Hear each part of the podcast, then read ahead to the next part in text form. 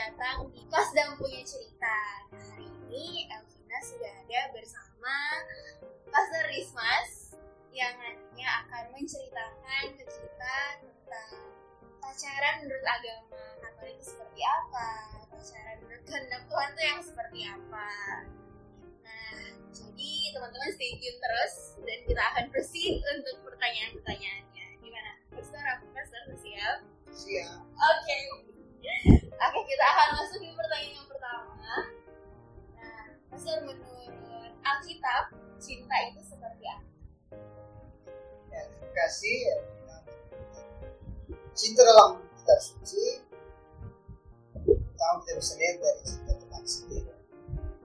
Manusia, cinta yang sungguh setia, bayangkan dari kisah penciptaan, kita tahu manusia jatuh dalam dosa, lalu ada dan Hawa, bangsa Israel, sampai di akhirnya mengutus Tuhan Yesus untuk menebus dosa kita bahkan dengan mengorbankan dirinya di atas kayu salib itulah cinta sungguh setia dan sempurna dari Tuhan sendiri.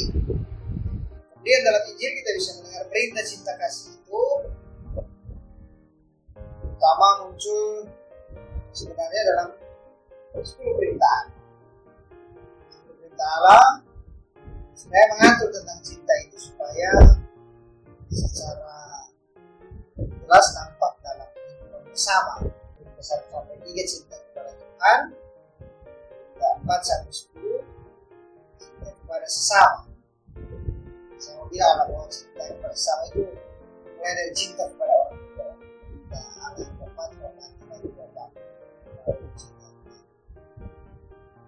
Begitulah pada akhirnya dalam Injil juga Tuhan Yesus bilang tentang perintah cinta kasih sebagai perintah yang utama yang mengatakan cintailah Tuhan Allahmu dengan segenap hatimu dengan segenap kekuatanmu dan segenap akal budimu dan cintailah sesama manusia seperti sebab kesimpulan dari cinta kitab suci selama ini Jadi Pastor berarti kalau mau lihat bahwa cinta yang Tuhan ajarkan ke kita adalah suatu cinta yang tanpa batas. Ya. Selalu memberi, memberi, dan tidak pandang bulu ya Pastor ya. benar memberi Ya. semuanya memberi semuanya sampai bahkan mati di Ya. kayu salib buat kita ya.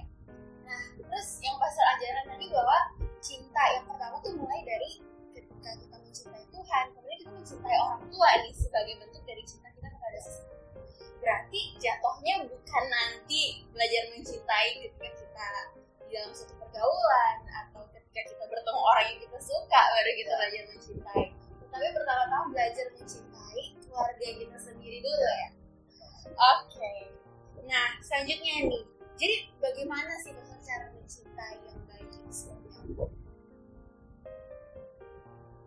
jadi cinta itu sebenarnya luas ya. Luas. Eh, dalam sesungguhnya dalam kitab suci juga cinta itu bukan cuma cinta eros. Selama ini kan pergaulan sebenarnya cinta lebih ke cinta eros. Saya suka karena dia itu ganteng. Hmm, Saya suka karena dia itu cantik. Tapi sebenarnya cinta itu ada cinta agama, cinta ilahi. Ya, kita bahkan tidak memandang visi pertama-tama dan pertama karena memang manusia dipanggil untuk mencintai. Karena Tuhan mencintai, jadi kita yang ada dalam manusia yang ada dalam Tuhan dipanggil untuk mencintai. Cinta yang baik cinta yang akan kita cinta yang tentu cinta eros itu tidak berarti bahwa kita itu berdosa. Cinta eros itu bagian dari. Tapi jangan cuma berarti pada cinta eros. Tidak sebatas fisik. Dan sebenarnya kan kalau orang tua kita kan cuma sebatas fisik, dan mereka sudah tua mungkin sudah sudah tidak lagi saling mencintai. Cinta itu luas. Nah, dalam relasi kita cinta itu sudah selalu dimulai tadi ya cinta Tuhan selalu awal karena kita mencintai kita dan cinta kepada diri sendiri cinta kepada diri sendiri bukan egois ya. Cinta kepada diri maksudnya menyayangi diri sendiri ya. Karena kita juga tidak bisa menyayangi orang lain kalau tidak bisa menyayangi diri sendiri. Karena kita tidak punya ukuran. Jadi misalnya seperti orang yang punya luka batin. Tidak bersyukur di hidupnya sendiri. Bagaimana dia bisa mengasihi sesama pasti dia tidak bisa mengasihi sesama karena dia sendiri tidak bisa mengasihi diri sendiri. Sesudah bisa mengasihi diri sendiri kita baru bisa mengasihi sesama. Sesama dan belakangan gereja juga selalu mengajak kita bukan hanya sampai kepada sesama manusia tapi juga kepada hewan Berarti Pastor, ketika kita dijadikan sebagai anak-anak Allah, oleh Tuhan. Berarti sebenarnya kita sudah dibekali oleh Tuhan sendiri untuk mampu mencintai orang lain, mencintai sesama, dengan tanpa melihat syarat apa pun ya. Oke, menarik banget sih. Nah, selanjutnya nih Pastor, soal kayak ketika kita nanti mencintai sesama, mencintai kalian orang yang cinta eros lah. Nah, lama-lama ketika kita mulai tertarik dengan lawan jenis, kemudian akhirnya menjurus ke yang namanya pacaran. Nah, jadi berdasarkan ajaran gereja, pacaran itu boleh atau tidak sebenarnya? pacaran itu boleh. Nah dalam gereja sebenarnya masa pacaran itu justru harus harus dibuka. Jadi ada beberapa fase, jadi ada masa pengenalan, masa pacaran, ada masa pertunangan dan terakhir masa. Jadi masa pacaran itu bukan cuma boleh, harus sebenarnya sehingga dua pasangan yang memang kalau masih pacaran jelas apakah nanti mau menikah atau tidak setidaknya orang bisa belajar untuk saling mengetahui sifat karakter dan sebagainya dari masa pacaran ini. Tentu kita tahu bersama bahwa banyak juga pacaran atau relasi yang dan justru kita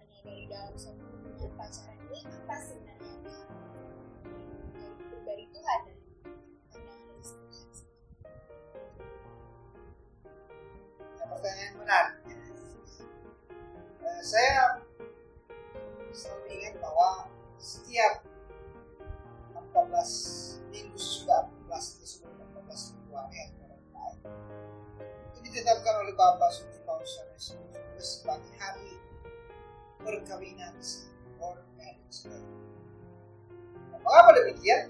Jadi hubungan atau relasi yang selama ini dijalin dalam situasi pacaran biasanya melakukan misalnya mencoba itu diharapkan berujung pada suatu perkawinan dan komitmen cinta yang baik adalah cinta yang setia sama seperti itu akan setia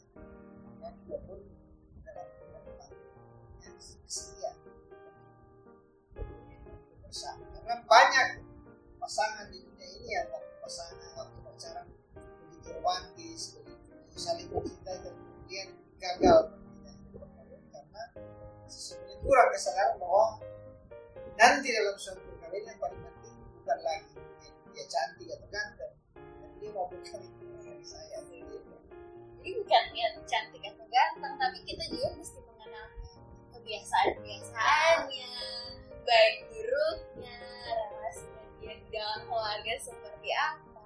Baru nanti bisa komitmen nih ke depan Pastor ya.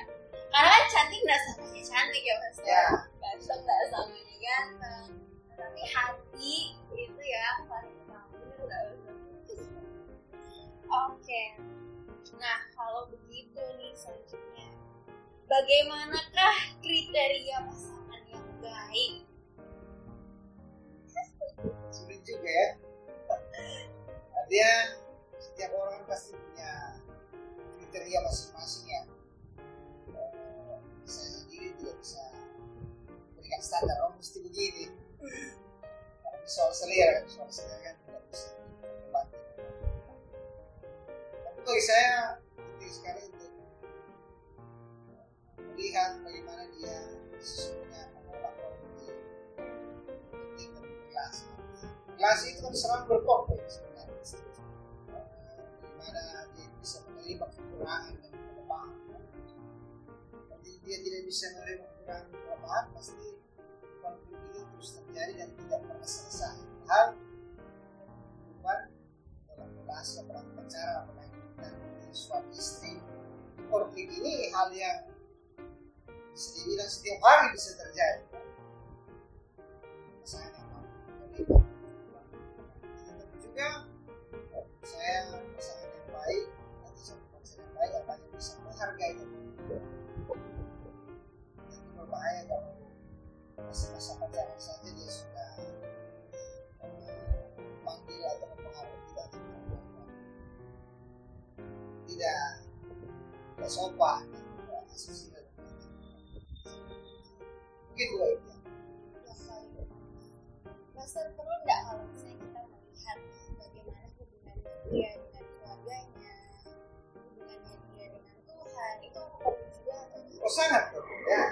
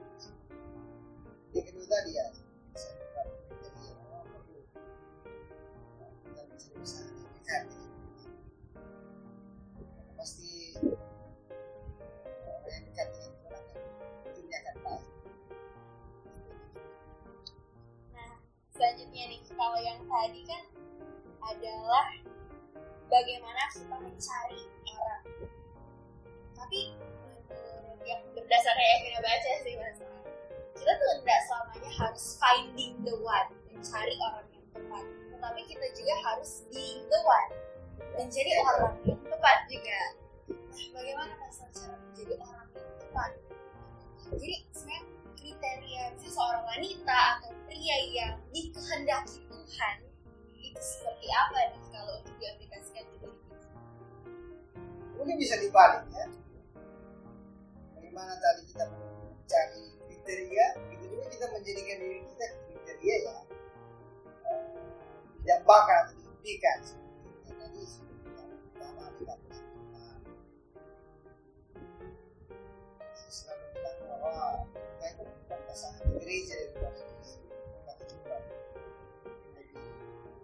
Hanya kita bisa tahu orang ini dan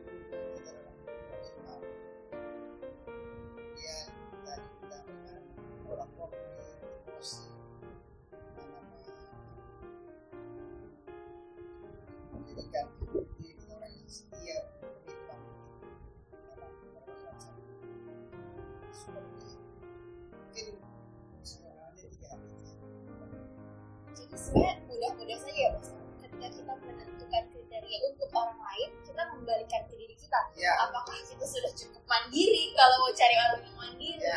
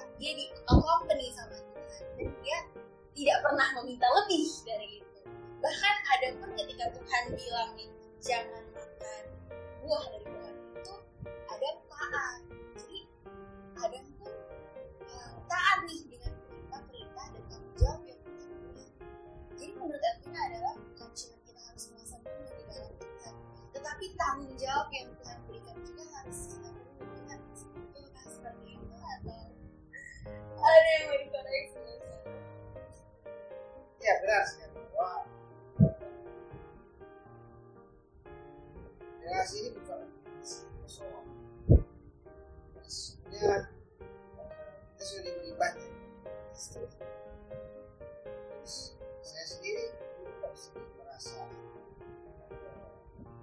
kurang bersyukur saya selalu pergi ke tempat caca. Di situlah saya sendiri saya bahwa ya memang saya tidak punya pengalaman. Langsung pacaran saya cuma melihat dengar belajar dari pihak ini tapi yang pasti bahwa saya kurang setuju kalau dikatakan relasi karena itu kembali ke konsep cinta kasih yang itu pertama-tama memberi bukan menerima apalagi sekali lagi tadi dia bahwa sebelum finding the one kita harus being the one jujur saya kalau mau sharing sedikit dari awal dulu ya Vina yang tahu nih namanya pacaran. Jujur yang Vina cari adalah orang yang affectionate memberikan perhatian menemani. Jatuh-jatuhnya adalah ketika mereka tidak mampu memenuhi itu ya Vina sudah berhenti mencintai jadi um, yang Vina paham dari pengalaman nih story yang memang masih cukup sih ketika jangan mencintai karena kita falling in. Tapi kita orang lain. Kalau kita kalau jujur akhirnya dulu mencari orang yang mengisi kekosongan perhatian jatuhnya adalah ketika nanti nih orangnya kayak mungkin sudah sibuk dengan studinya mereka atau begitu gitu akhirnya jatuhnya jadi lebih apa ya posesif jadi toksik gitu gitu. Karena merasa kebutuhannya Elvina tidak dipenuhi. Tetapi harusnya cinta yang yang Elvina pahami dari refleksi yang tidak dilakukan adalah cinta itu cinta yang membebaskan.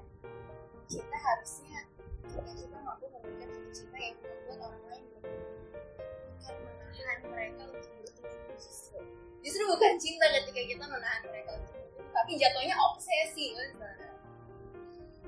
nah jadi uh, menurut Elvina adalah justru uh, apa ya tang apa ya tugas Elvina sekarang adalah penuhi diri dulu dengan Tuhan percaya diri dulu dan mengenal pribadi Tuhan. Supaya ketika Elvina merasa sudah mengenal nih kasih Tuhan itu seperti apa dia dapat memberikan kasih yang Tuhan ajarkan itu ke orang lain ke pasangan Elvina mungkin Oke, nah mungkin udah pacaran-pacaran udah selesai nih, anggap Oh, udah iya. menemukan the one. Sekarang soal pernikahan nih, Mas.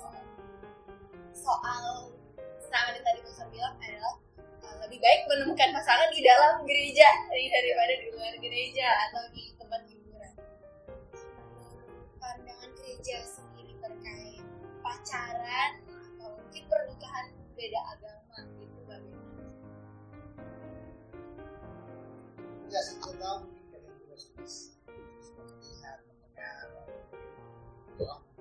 ada yang namanya dari agama dan gereja. Bukan dalam gereja ada yang kawin tidak utama mister religius kemudian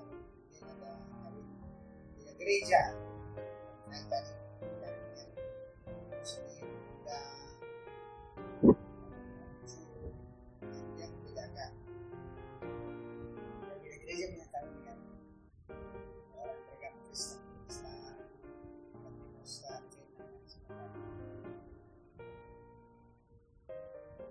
saja itu dibuat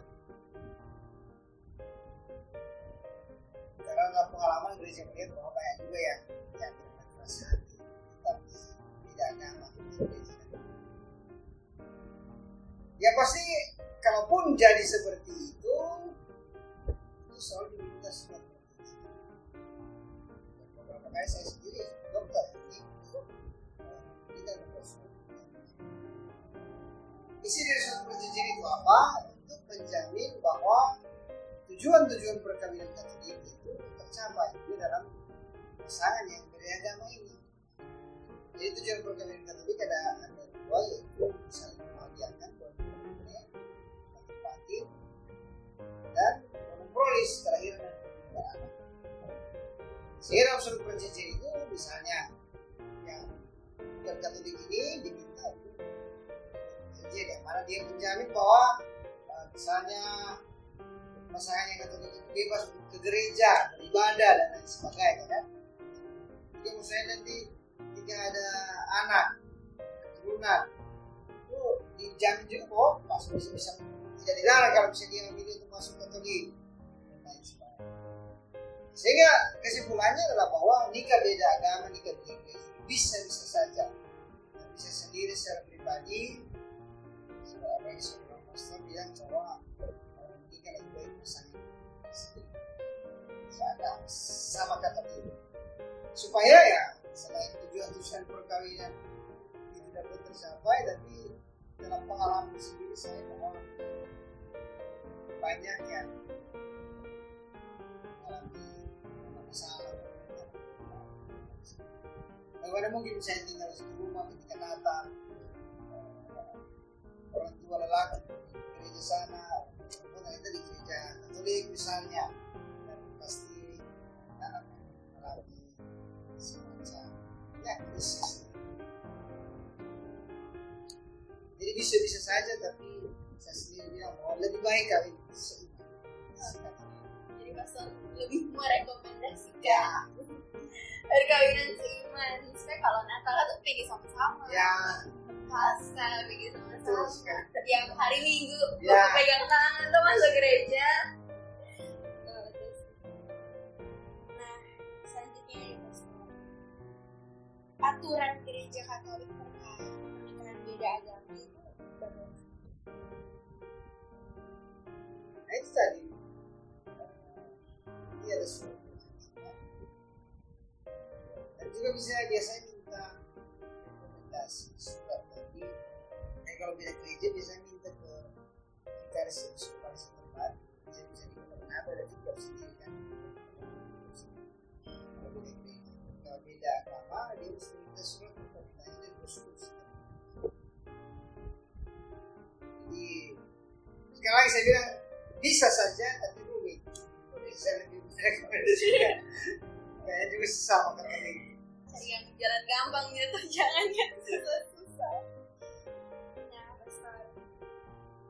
bagaimana kita yakin bahwa para pengacara ini adalah pasangan hidup? Yang sebetul-betul dia nih untuk sekali seumur hidup. Ya. Nah, seperti itu kan sebenarnya di masing-masing orang. Ya. tapi yang saya mau katakan ini. Saya sudah bilang soal dekat ya. Jadi saya dulu kan tidak tapi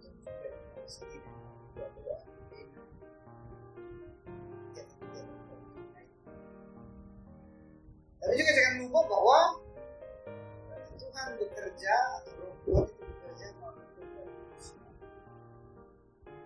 Jadi kita sendiri juga punya penilaian standar masing-masing ya menentukan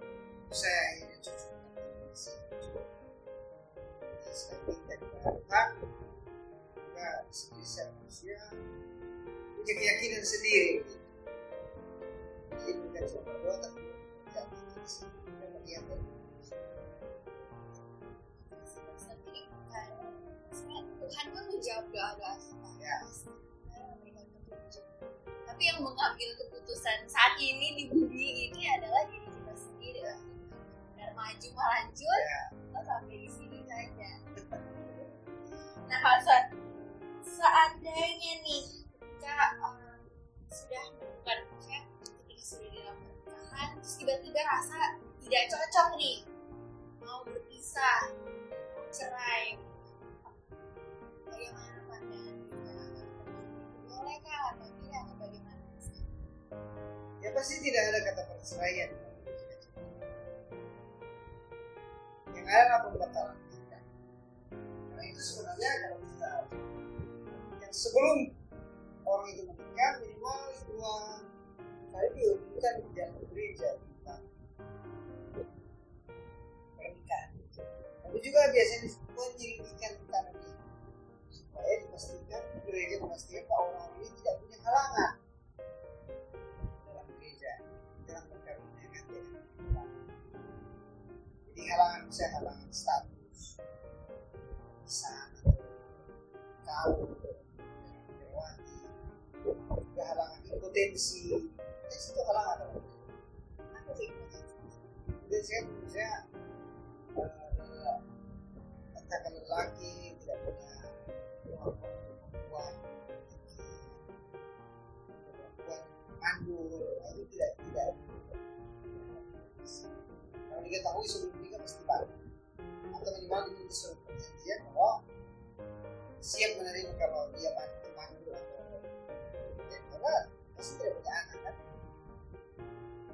jadi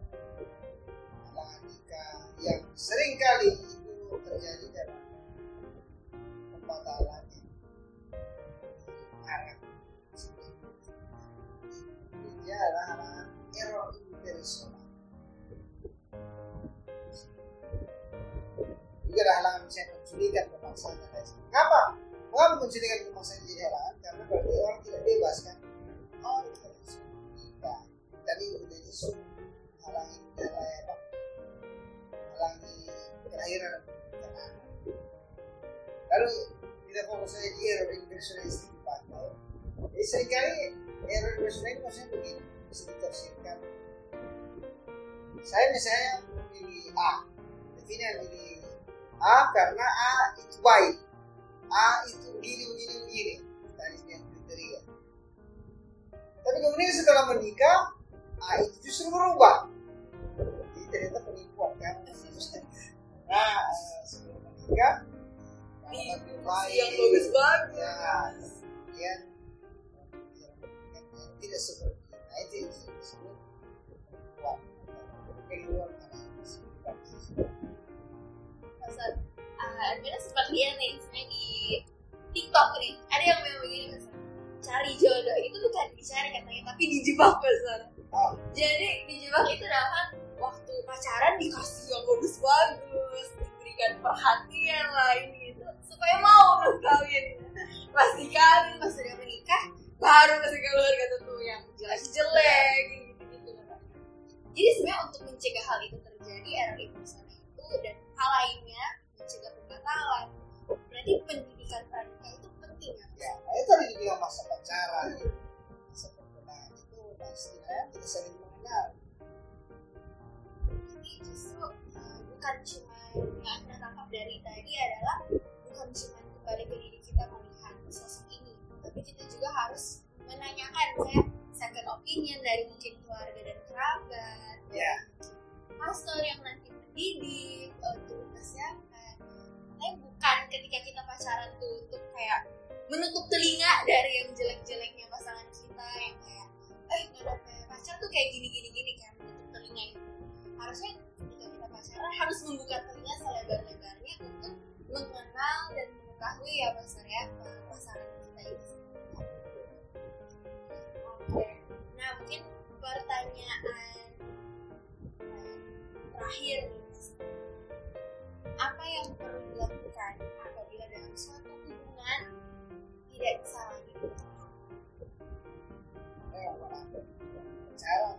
dulu deh, dulu. Putus.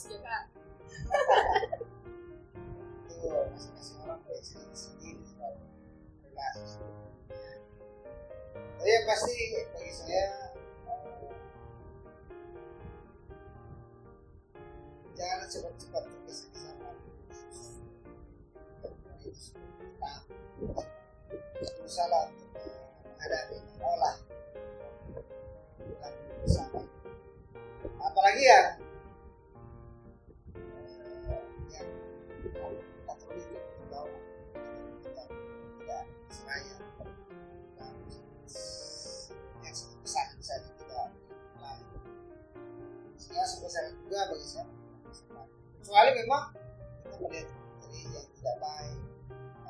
tepat dari yang masing-masing orang punya kebebasan sendiri untuk mengambil jalan lanjut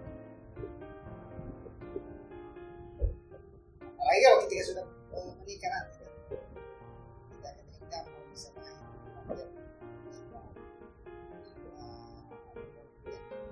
saya gereja menawarkan misalnya bisa ranjang itu juga dia gereja memberi masa